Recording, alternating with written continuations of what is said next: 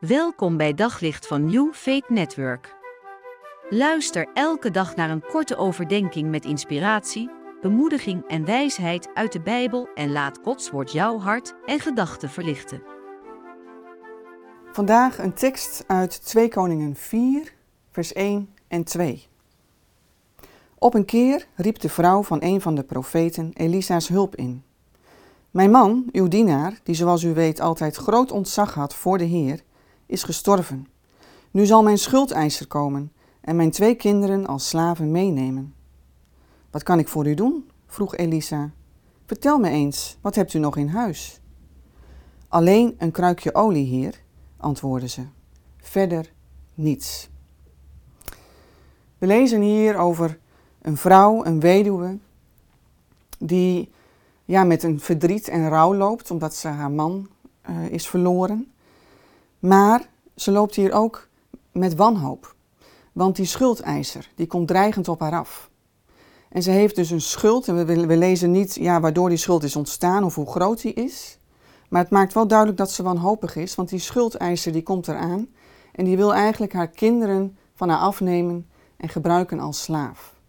Hoe wanhopig kun je dan zijn als moeder? En zij, zij gaat naar Elisa, de godsman. En daarmee laat ze eigenlijk zien dat ze zich afhankelijk van God hierin wil opstellen. En dan is daar Elisa. Elisa met die vraag, die bijzondere vraag als eerste van wat kan ik voor u doen? Daarin zit een welkom en ook een stukje ontferming in.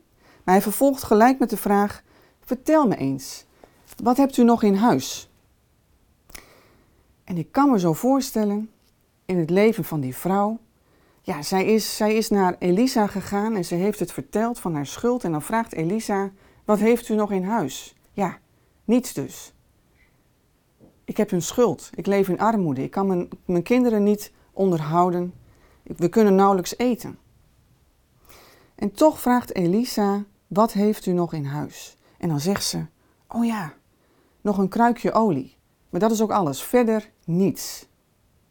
Ik vind het zo bijzonder dat Elisa hier focust op wat er nu nog wel is. Elisa gaat niet mee met deze wanhoop van deze vrouw. Hij gaat ook niet mee met, met de schaamte die ze kan ervaren over haar armoede. Nee, Elisa focust op wat er nu nog wel is. Het kruikje met olie. En zien we dat eigenlijk ook niet Jezus doen? Denk bijvoorbeeld aan de wonderbaarlijke spijziging.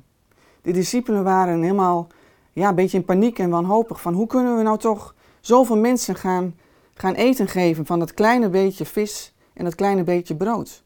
Maar Jezus gaat ook niet mee met de discipelen daarin, in de paniek en de onrust. Nee, Jezus focust op wat er nog wel is. Het kleine beetje brood en het kleine beetje vis. Misschien herken je het wel, dat je zelf in je leven ja, ook maar zo'n momenten kunt hebben of periodes waarin je heel erg bezig bent met, oh als maar niet. En je kunt allerlei scenario's al bedenken van hoe het zal gaan verlopen, vanuit angst.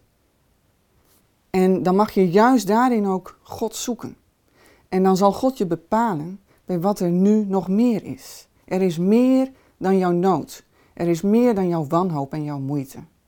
En God wil niets liever dan je daarop wijzen en dat vermenigvuldigen. En dan zal je gezegend zijn. Hij is erbij. Op zoek naar nog meer geloof, hoop en liefde. Op New Faith Network vind je honderden christelijke films, series en programma's. Nog geen lid? Probeer het 14 dagen gratis op newfaithnetwork.nl.